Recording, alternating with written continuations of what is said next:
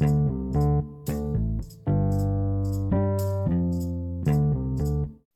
para pendengar podcast tentang data, kembali lagi bersama saya. Kali ini saya kedatangan narasumber dari um, dari University of Edinburgh, uh, Muhammad Arash Rahman. Uh, Arash ini sedang mengambil PhD di bidang reinforcement learning. Dulunya di Fasilkom UI ya, betul ya? Ya, uh, uh, ya, S1-nya di UI. Ya, S1-nya di Fasilkom UI. Terus ngelanjut ke Edinburgh S2, terus S3-nya di Edinburgh lagi, uh, reinforcement learning. Yep.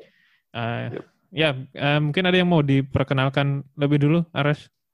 Ya, uh, ya jadi ya saya tadi ya, uh, ya jadi saya Aras dan uh, Kali tadi sudah menjelaskan tentang uh, educational background saya. Um, selain itu, sebenarnya saya juga sudah pernah bekerja um, di beberapa startup di Indonesia. Saya dulu um, lulus S1, saya bekerja di Traveloka sebagai data scientist. Kemudian um, lulus S2 juga saya sempat bekerja sebentar di Gojek sebagai uh, data scientist juga. Um, ya, selain itu, uh, jadi ceritanya tadi uh, setelah saya selesai di Gojek, um, kemudian saya dapat tawaran PhD uh, dari the University of Edinburgh. Kemudian saya um, memutuskan untuk mengambil PhD dari tahun 2018. Uh, dan sekarang saya sedang uh, di tengah studi saya. Oke, okay, nah ini pertanyaan pembukanya adalah uh, kenapa uh -huh. akhirnya mengambil PhD di bidang reinforcement learning? Uh, uh, atau mungkin gini deh, pertamanya minta tolong dijelaskan dulu apa itu reinforcement learning karena mungkin yang mendengarkan belum begitu familiar dengan konsepnya. Terus kemudian okay. uh, kenapa akhirnya ngambil PhD di bidang ini? Sure. Um, jadi sebenarnya reinforcement learning itu adalah salah satu paradigma learning lain yang mungkin agak mungkin agak masih uh, tidak begitu familiar di Indonesia mungkin karena belum banyak praktisinya uh, ketimbang misalkan kayak um, orang-orang yang bergelut dengan supervised learning atau unsupervised learning.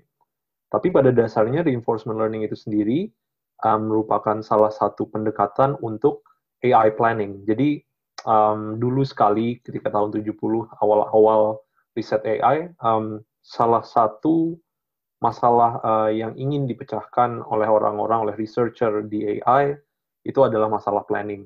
Masalah planning ini biasanya setupnya adalah jadi uh, sebuah agent, sebuah pengambil keputusan, uh, atau sebuah entitas yang bisa menentukan aksinya, itu uh, akan diberikan sebuah goal. Dan agent tersebut akan disuruh, um, di, diberi tugas untuk um, menentukan aksi-aksi yang harus diambil untuk uh, memenuhi goal tersebut. Dan biasanya dalam memenuhi goal ini, biasanya agent ini harus um, memenuhinya itu dalam kriteria-kriteria uh, tertentu. Jadi seperti efisien, harus harus efisien, harus um, um, misalnya uh, harus bisa dengan cepat menyelesaikan tugasnya dan segala macam. Bisa berbagai macam metrik lah yang digunakan untuk mengukur um, um, efektivitas si si pengambil keputusan ini dalam mencapai goal-goalnya tersebut. Um, dan ya itu itu sebenarnya reinforcement learning dari segi setupnya. Kemudian dari um, segi pendekatan-pendekatannya, sebenarnya reinforcement learning ini um, kalau um, kalian yang mungkin datang dari bidang uh, teknik elektro, misalkan kalian kan kalian kan sudah pernah belajar tentang control theory. Um, sebenarnya um, reinforcement learning itu adalah salah satu pendekatan yang yang yang masuk di dalam control theory tapi reinforcement learning itu adalah um, salah satu teori, uh, salah satu pendekatan control yang berbasis learning. Jadi um, si pengambil keputusan ini uh, instead of like um, you know um, kayak uh, planning um, um, aksinya itu uh, uh, berdasarkan um, perintah dari uh, atau dari solusi-solusi uh, yang diberikan oleh si uh, desainer si agen ini dia harus berinteraksi dengan lingkungannya kemudian mencari tahu sendiri sebenarnya solusi atau uh, uh, serangkaian aksi yang yang harus dia lakukan untuk mencapai tujuannya itu apa. Jadi seperti itu. Tadi pertanyaannya tentang apa itu reinforcement learning kan ya? Ya betul betul betul. Oke, okay. okay. uh, itu ada poin yang menarik sebenarnya tadi karena nyebut-nyebut tentang uh, control theory. Saya ingat dulu teman-teman yeah. Uh, teman-teman saya yang yang satu fakultas pas S1 hmm. karena ada yang beberapa masuk elektro juga terus mereka bilang oh salah yeah. satu kuliah paling susah adalah teori kendali memang itu iya. seru tapi uh, saya baru oke okay, so mereka juga familiar dengan itu harusnya that's a good point hmm. iya yeah, iya yeah. so ya um, uh, akhirnya kenapa uh, meneruskan di RL oh, kenapa okay. akhirnya ke situ um, sebenarnya itu sebenarnya um, kayak preferensi pribadi aja sih jadi kayak uh, pertama kali saya belajar tentang AI um, saya itu um, belajar mengenai planning memang. Jadi uh, mata kuliah pertama yang saya ambil terkait dengan AI di Fasilkom dulu adalah uh, pemrograman logika. Jadi pemrograman logika itu sebenarnya um, kita memakai bahasa Prolog untuk um, melakukan planning, uh, um, untuk memecahkan persoalan-persoalan planning. Cuman bahasa Prolog ini memang biasanya um, di, digunakan untuk planning yang um, ada pada um, uh, symbolic AI. Jadi symbolic AI itu adalah AI di mana uh, uh, bidang AI di mana uh, biasanya kita tuh dikasih sebuah knowledge base, kemudian berdasarkan knowledge base tersebut uh, kita menentukan kayak semacam um, um, kita melakukan sebuah inferensi lah dan biasanya ini uh, dengan menggunakan um, um, apa ya uh, metodologi seperti ini kita juga bisa sebenarnya melakukan proses planning. Secara implisit di dalam pem bahasa pemrograman Prolog itu sendiri kayak ada semacam uh, planning uh, proses planningnya sendiri secara simbolik um, dan uh, saya waktu itu merasa benar-benar tertarik ya dengan kayak uh, bagaimana ini bisa digunakan lah untuk uh, bisa membuat sebuah agent yang bisa menginfer um, apa yang uh, uh, harus dia lakukan misalkan uh, pada pada permasalahan tertentu berdasarkan knowledge base yang dia beri. Um, tapi tentunya memang itu kan uh, karena si pengambil keputusan ini bergantung pada knowledge base dan knowledge base ini sangat bergantung pada seorang uh, pada pengetahuan seorang desainer jadinya memang um, pendekatan planning seperti ini itu sangat uh, brittle. Jadi kayak sangat sangat uh, agak susah untuk digeneralisasi ke kasus-kasus yang yang lebih kompleks. Uh, apalagi pada saat memang uh, si desainer ini uh, tidak ada jadi tidak ada orang yang bisa menjadi expert yang bisa memberikan knowledge base untuk agent ini kemudian saya sebenarnya baru mengenal reinforcement learning sendiri pada saat saya ke Edinburgh. Jadi saya sebenarnya awalnya ada banyak sekali sebenarnya kasus-kasus selama saya kerja itu um, di mana saya itu ditugaskan untuk mencari tahu misalkan um, apa yang harus saya lakukan, apa yang harus uh, setidaknya kayak membantu uh, policy maker di, di perusahaan-perusahaan saya dulu untuk menentukan apa yang harus dilakukan untuk bisa misalkan bersaing dengan kompetitor. Nah ini kan sebenarnya uh, seperti permasalahan control juga sebenarnya. Jadi kayak kita perusahaan itu punya informasi tertentu, kemudian kita harus menentukan aksi uh, berdasarkan informasi tersebut dan informasi ini bisa kayak um, misalkan keadaan dari uh, perusahaan itu sendiri atau misalkan uh, informasi tentang kompetitor dan sebagainya. Dan sebenarnya dari proses pokoknya ya solusi-solusi yang saya uh, buat pada saat itu ternyata permasalahan seperti ini itu sangat susah gitu dan uh, saya saya jadi sangat tertarik saja dengan permasalahan-permasalahan seperti ini. Kemudian pas saya pergi ke uh, University of Edinburgh selama masters, saya memang uh, mengambil kuliah tentang reinforcement learning dan saya melihat bagaimana um, reinforcement learning itu sebenarnya merupakan um, ya tadi uh, pendekatan untuk bisa memecahkan persoalan planning secara uh, uh, otomatis jadi secara tabula rasa jadi uh, uh, sebuah pengambil uh, sebuah agent, sebuah AI yang uh, dilatih menggunakan reinforcement learning itu uh, menariknya tidak memerlukan pengetahuan tambahan dari uh, desainer. Dia bisa mencoba sendiri untuk menentukan strategi uh, apa yang harus diambil untuk menyelesaikan goal uh, atau menyelesaikan tugasnya itu kan.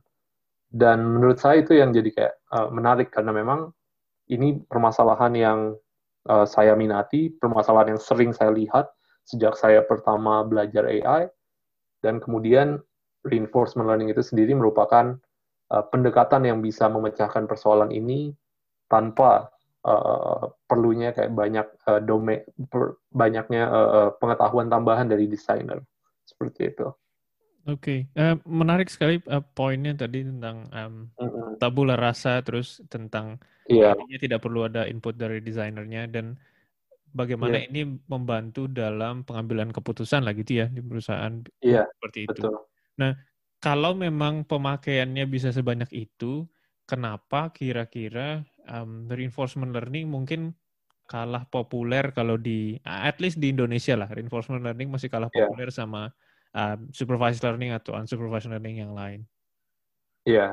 so sebenarnya kendala, uh, kendala utama dari reinforcement learning kalau saya lihat dulu itu adalah pertama um, setidaknya kalau misalkan kita berbicara dengan uh, berbicara tentang pendekatan reinforcement learning yang ada saat ini, biasanya kan dia digabung dengan deep learning ya. ya. Dan deep learning ini kan aturan-aturannya itu biasanya yang dihasilkan. Jadi aturan-aturan yang dia gunakan dalam mengambil keputusan itu biasanya tidak bisa di, di apa ya di, di diinterpretasikan dengan mudah oleh manusia, ya kan? Yeah, yeah. Karena aturan-aturannya itu terencode dalam weights dari sebuah neural network. Mm-hmm. Dan itu sendiri merupakan sebuah kendala besar karena memang kalau misalkan uh, di perusahaan seperti itu, yang pasti harus ada accountability kan. Jadi kalau misalkan kita mengambil keputusan, kenapa kita mengambil keputusan tersebut? Dan um, itu berat karena secara umum tidak ada elemen di dalam deep reinforcement learning itu yang bisa menjelaskan keputusan dari si pengambil dari si agent itu. Kemudian uh, permasalahan kedua adalah um, reinforcement learning itu sendiri um, saat ini at least pendekatan-pendekatannya yang off the shelf itu memerlukan banyak sekali data untuk training. Jadi untuk permasalahan seperti yang sederhana saja, seperti kayak main um, I don't know uh, video games seperti itu itu bisa memerlukan jutaan sampel data jutaan interaksi uh, uh, uh, jutaan pengambilan keputusan di, di, di permasalahan tersebut untuk bisa mempelajari strategi yang bagus. Um, tentunya sebenarnya di reinforcement learning sendiri ada berbagai macam pendekatan dan ada beberapa yang memang uh, didesain untuk bisa uh, supaya uh, jumlah uh, data yang digunakan untuk belajar itu bisa sesedikit mungkin. Model-based reinforcement learning contohnya.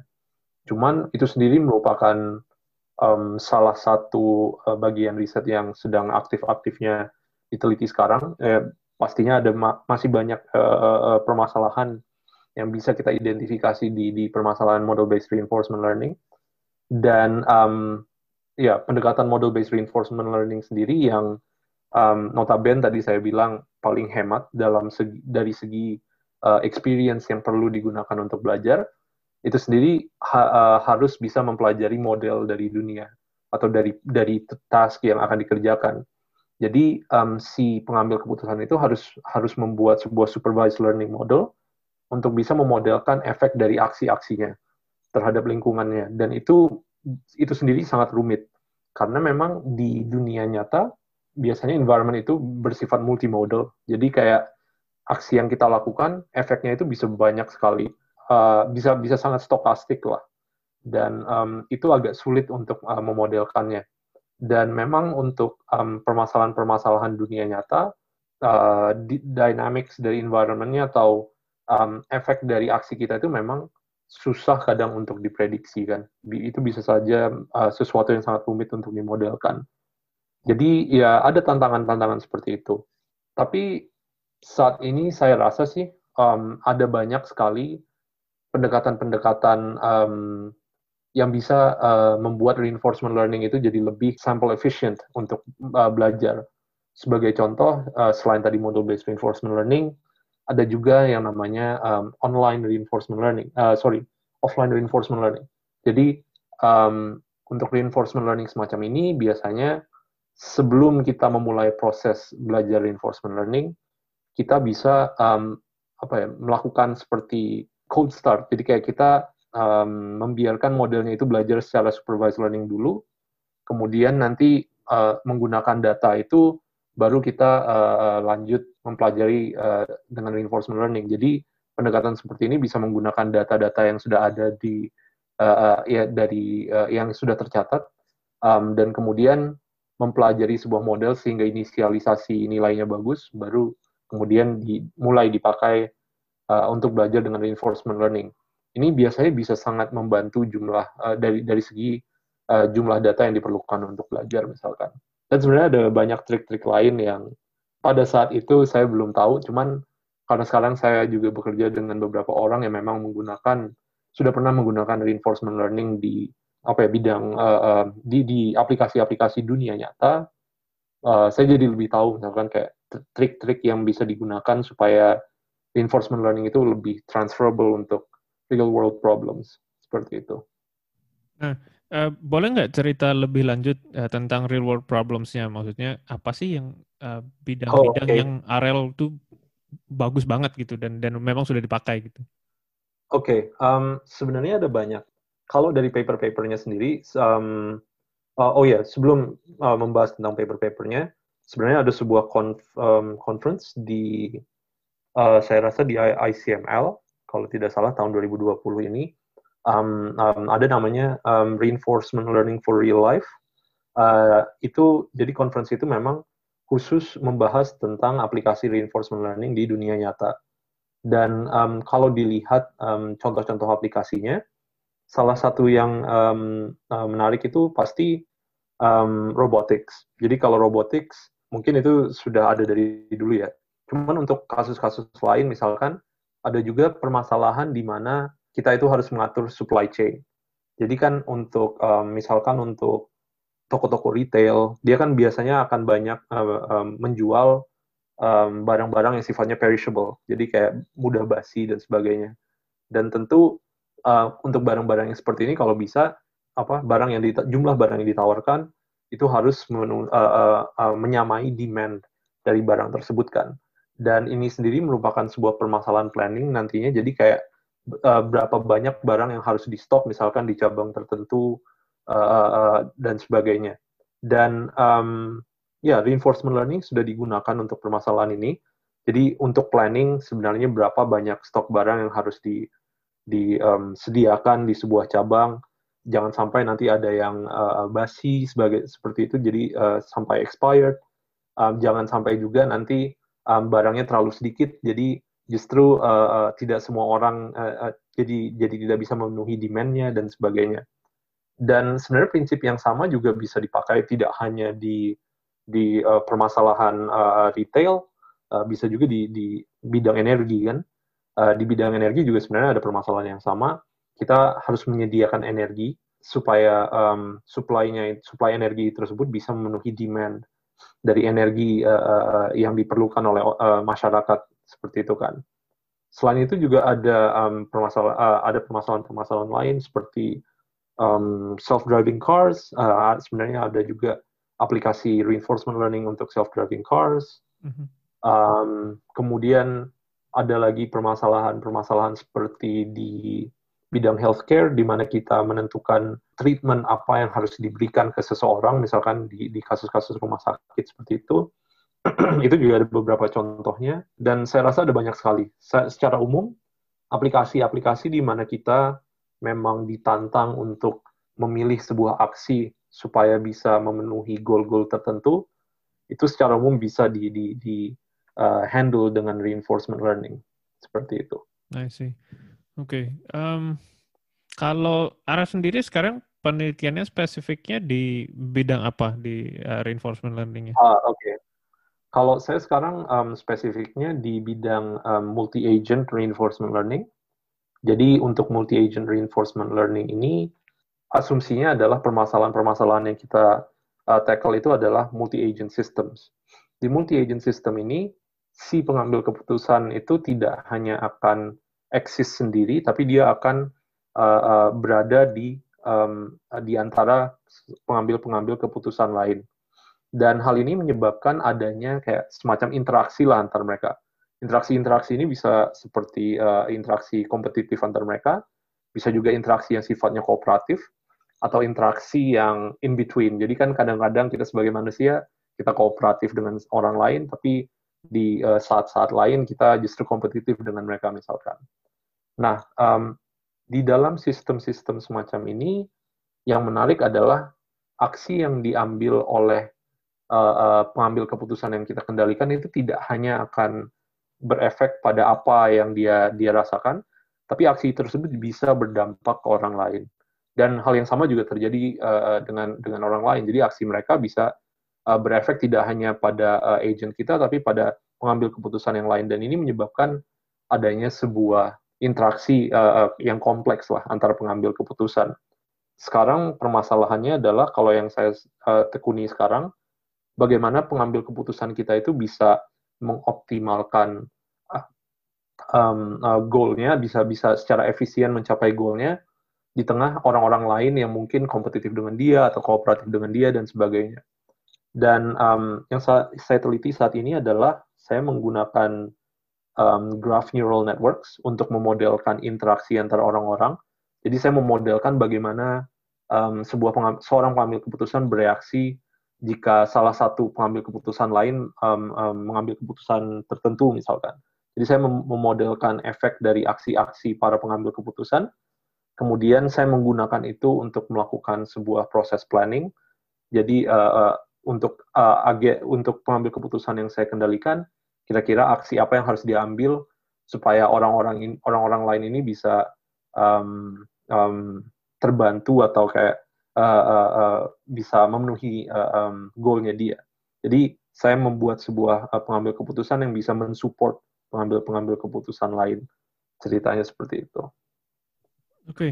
kalau dengar dari ceritanya barusan, kayaknya uh, bidangnya ini melibatkan banyak sekali teori-teori uh, dari yang lain ya, kayak misalnya tadi sempat sebut uh, yeah. terus bagaimana bereaksi terhadap aksi yang lain itu kan mirip seperti yeah. di, uh, game teorinya ada di sana gitu. Iya, yeah, iya. Yeah. That's true. Um, I don't know. Ada ada bidang-bidang apa lagi sih yang sebenarnya perlu dikuasain ketika kita mau masuk ke bidang uh, reinforcement learning? Ada banyak sebenarnya kalau dari sisi matematikanya. Reinforcement learning sendiri um, sebenarnya itu uh, berbasis pada stochastic process. Jadi proses stokastik jadi ada banyak sekali formula, formulasi mathematical formalization dari proses pengambilan keputusan yang dipelajari di proses stokastik. Kemudian beberapa algoritma awal dari reinforcement learning sendiri itu sebenarnya berasal dari proses stokastik. Cuman begitu kita membahas tentang multi-agent reinforcement learning ini, memang kalau untuk multi-agent reinforcement learning, game theory itu juga penting. Karena memang game theory ini uh, merupakan uh, bidang di matematika yang mempelajari tentang uh, bagaimana kayak pengambil-pengambil keputusan yang berbeda itu berinteraksi, bagaimana mereka mengambil keputusan di tengah adanya orang-orang lain uh, di pengambil pengambil pengambil keputusan lain di, di di permasalahan tersebut, misalkan seperti itu. Jadi dua hal itu memang penting, game theory dan juga stochastic process. Tapi untuk bidang saya yang saya pelajari sekarang, karena kita berusaha memodelkan pengambilan keputusan orang lain, uh, saya juga bergantung pada probabilistic graphical modeling. Um, jadi saya berusaha um, memodelkan interaksi antar orang lain, interaksi antar random variable, um, karena saya memodelkan setiap pengambil keputusan sebagai sebuah random variable. Jadinya saya juga menggunakan probabilistic graphical modeling. Dan itu bisa digabungkan sekarang dengan pendekatan-pendekatan um, berbasis neural networks juga. Jadi uh, karena memang tadi saya sebut ada graph neural networks uh, saat ini, graph neural networks itu bisa dibuat untuk mengekstrak feature yang nantinya dipakai oleh uh, algoritma-algoritma reasoning um, dari probabilistic graphical modeling untuk um, menginfer sesuatu. Um, ya jadinya tiga hal itu mungkin kalau misalkan yang terkait dengan bidang saya. Cuman untuk reinforcement learning in general, saya rasa um, stochastic process itu uh, yang paling penting sih. Oke, okay. um, kalau dari dengar ceritanya itu terdengar menyeramkan sekali bidang-bidang yang disebutkan. Uh, Jadi cukup sulit-sulit buat buat banyak orang gitu probabilistic graphical models. Um, mungkin kuliah uh, yeah. di color dari Stanford gitu orang nggak langsung ini apa sebetulnya. oh, oh iya iya iya. Kayaknya kalau udah um, ini udah udah beda gitu ya untuk PhD sebenarnya semua orang menghadapi itu ya kalau misalkan berdasarkan pengalaman saya dengan teman-teman saya. Jadi kayak semua orang memang dipaksa untuk mempelajari hal baru yang sebelumnya tidak dikuasai uh, sebelumnya uh, oleh mereka. Mungkin saran praktis dari saya adalah saya, saya sendiri dulu juga awalnya susah sekali um, um, ketika mempelajari hal-hal baru yang memang di luar kemampuan saya sebelumnya. Cuman ada banyak hal yang bisa dilakukan untuk membuat itu lebih mudah. Jadi kita bisa bertanya pada orang yang lebih tahu ya orang yang sudah sudah tahu mengenai bidang-bidang tersebut tentang uh, sebenarnya urutan paling optimal untuk belajar uh, bidang tersebut apa. Jadi apa apa, apa dulu uh, uh, subtopik yang harus saya pelajari supaya saya bisa dengan cepat mempelajari hal tersebut dan um, biasanya itu sangat efektif ya karena memang kalau misalkan um, um, saya sendiri saya kalau misalkan urutan uh, saya saya kan tidak berasal dari uh, pure maths uh, pada saat S1 jadi um, saya selalu berusaha agar saya mempelajari hal-hal tersebut itu biasanya dari uh, dari segi intuisinya dulu. Kemudian dari intuisinya saya baru mulai bergerak ke mathsnya dan sebagainya. Tapi ya saran-saran orang-orang yang bekerja dengan saya itu biasanya sangat-sangat membantu sih. Dan kalau PhD juga kalian kan biasanya um, bekerja itu tidak hanya sendirian, tapi kalian bekerja sebagai bagian dari sebuah research institute. Dan biasanya di research institute itu ada banyak orang yang menawarkan advice-advice untuk mempelajari berbagai hal. Jadi ya itu, itu sangat membantu saya sih. Ya, yeah, good to know that. Jadi memang tidak sendiri juga ya pada akhirnya ya. Iya. Yeah. So, uh, kalau misalnya kita bicara yang lebih generik, misalnya ada orang yang mau uh, mulai belajar reinforcement learning, ada resources yang bisa dibagikan nggak? Maksudnya ya mungkin ada oh, yeah. courses atau buku-buku yang kayaknya menarik untuk dipelajarin dulu gitu? Sure. Jadi buku pertama yang saya sarankan itu yang pasti bukunya uh, Richard Sutton, Rich Sutton, um, Reinforcement Learning and Introduction.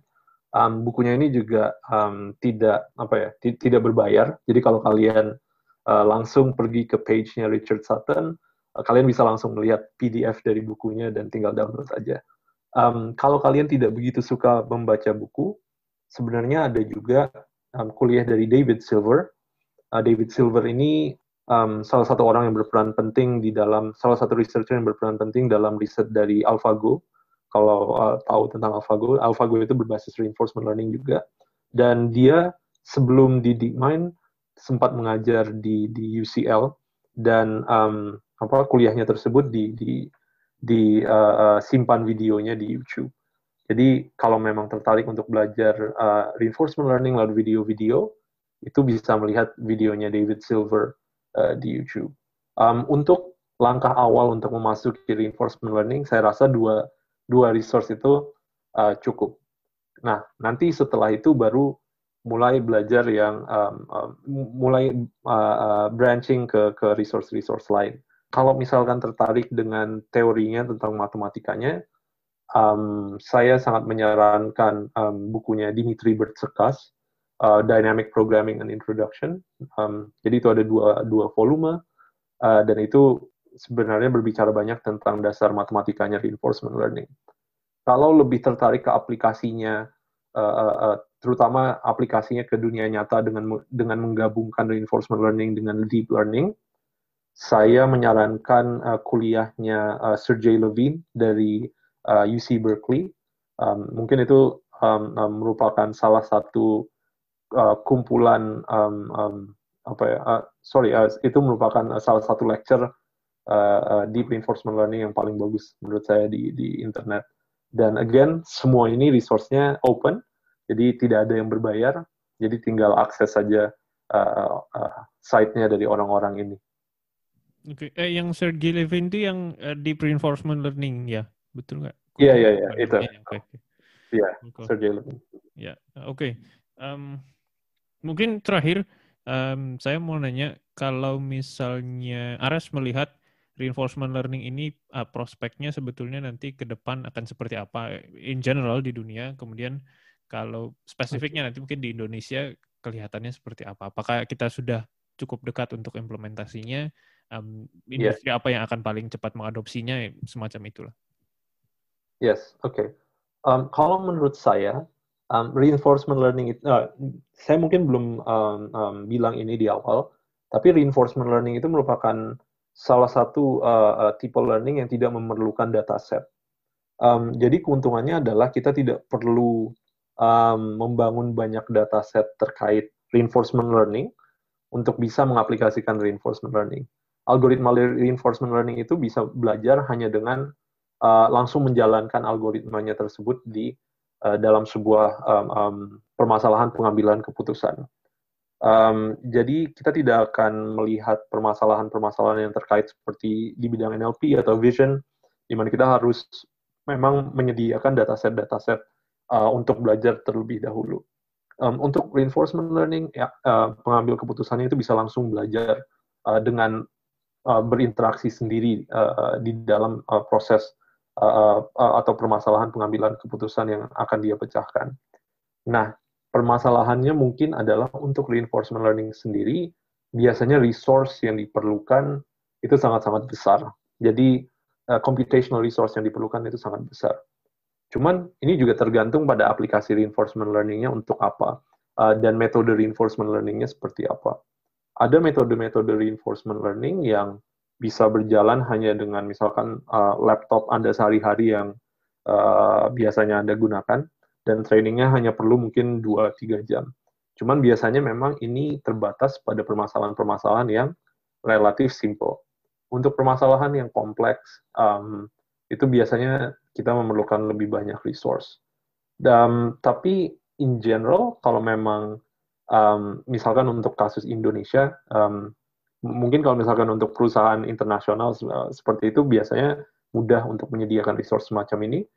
Cuman untuk um, misalkan orang-orang yang baru mulai merintis um, startupnya atau apa ter terkait dengan reinforcement learning ini akan jadi sangat susah.